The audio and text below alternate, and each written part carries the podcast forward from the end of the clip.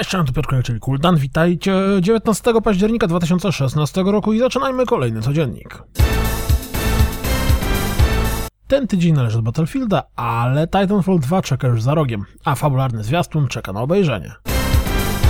Jeśli gracie w Neverwinter, to może zainteresować Was zwiastun nowego dodatku Storm King's Thunder. Pojawił się zwiastun przedstawiający historię świata, który poznamy w Preyu i muszę przyznać, że wygląda to coraz bardziej interesująco. LEGO Harry Potter Collection już za chwilkę pojawi się na PlayStation 4, więc czas na premierowy zwiastun. Co do premierowych zwiastunów, to nadszedł czas na takowe Civilization 6. Jeśli bardzo brakuje Wam platformówek 3D, to może Freeze Me Was zainteresuje. Gra niecały rok temu pojawiła się na PC we wrześniu na Xbox One, a teraz na PlayStation 4. Czas na przedpremierowy zwiastun Batman Return to Arkham. Kto z Was, oprócz Rafała, znaczy Batmana, oczywiście kupuje grę? Pojawiły się kolejne dwa mini zwiastuny Resident Evil 7. Tradycja halloweenowych update'ów podtrzyma również World of Tanks, jak widać na załączonym zwiastunie.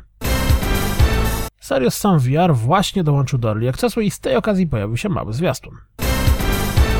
Eagle Flight bardzo pozytywnie zaskoczyło mnie na WGW, a teraz wraz z premierą gry pojawił się premierowy zwiastun. Pierwsza część Deponii zawita na PlayStation 4 15 listopada. Watch Dogs 2 na konsolach pojawi się 15 listopada, a na PC zaliczy lekkie opóźnienie i zawita dopiero 29 listopada. Według źródeł GameSpotu United Front Games, twórcy Sleeping Dogs, a ostatnio Smash Plus Grab zostali zamknięci. Nie pojawiło się na razie oficjalne potwierdzenie tej wiadomości, ale na Steamie nie kupimy już Smash Plus Grab, a na Twitterze znajdziemy potwierdzającą tą wiadomość tweety. No to stało się jasne, co zapowiadał Rockstar. Red Dead Redemption 2 zadebiutuje jesienią przyszłego roku na PlayStation 4 i Xbox One. Co więcej, patrząc po zarejestrowaniu domeny Red Dead Online, Rockstar liczy na powtórzenie sukcesu GTA Online.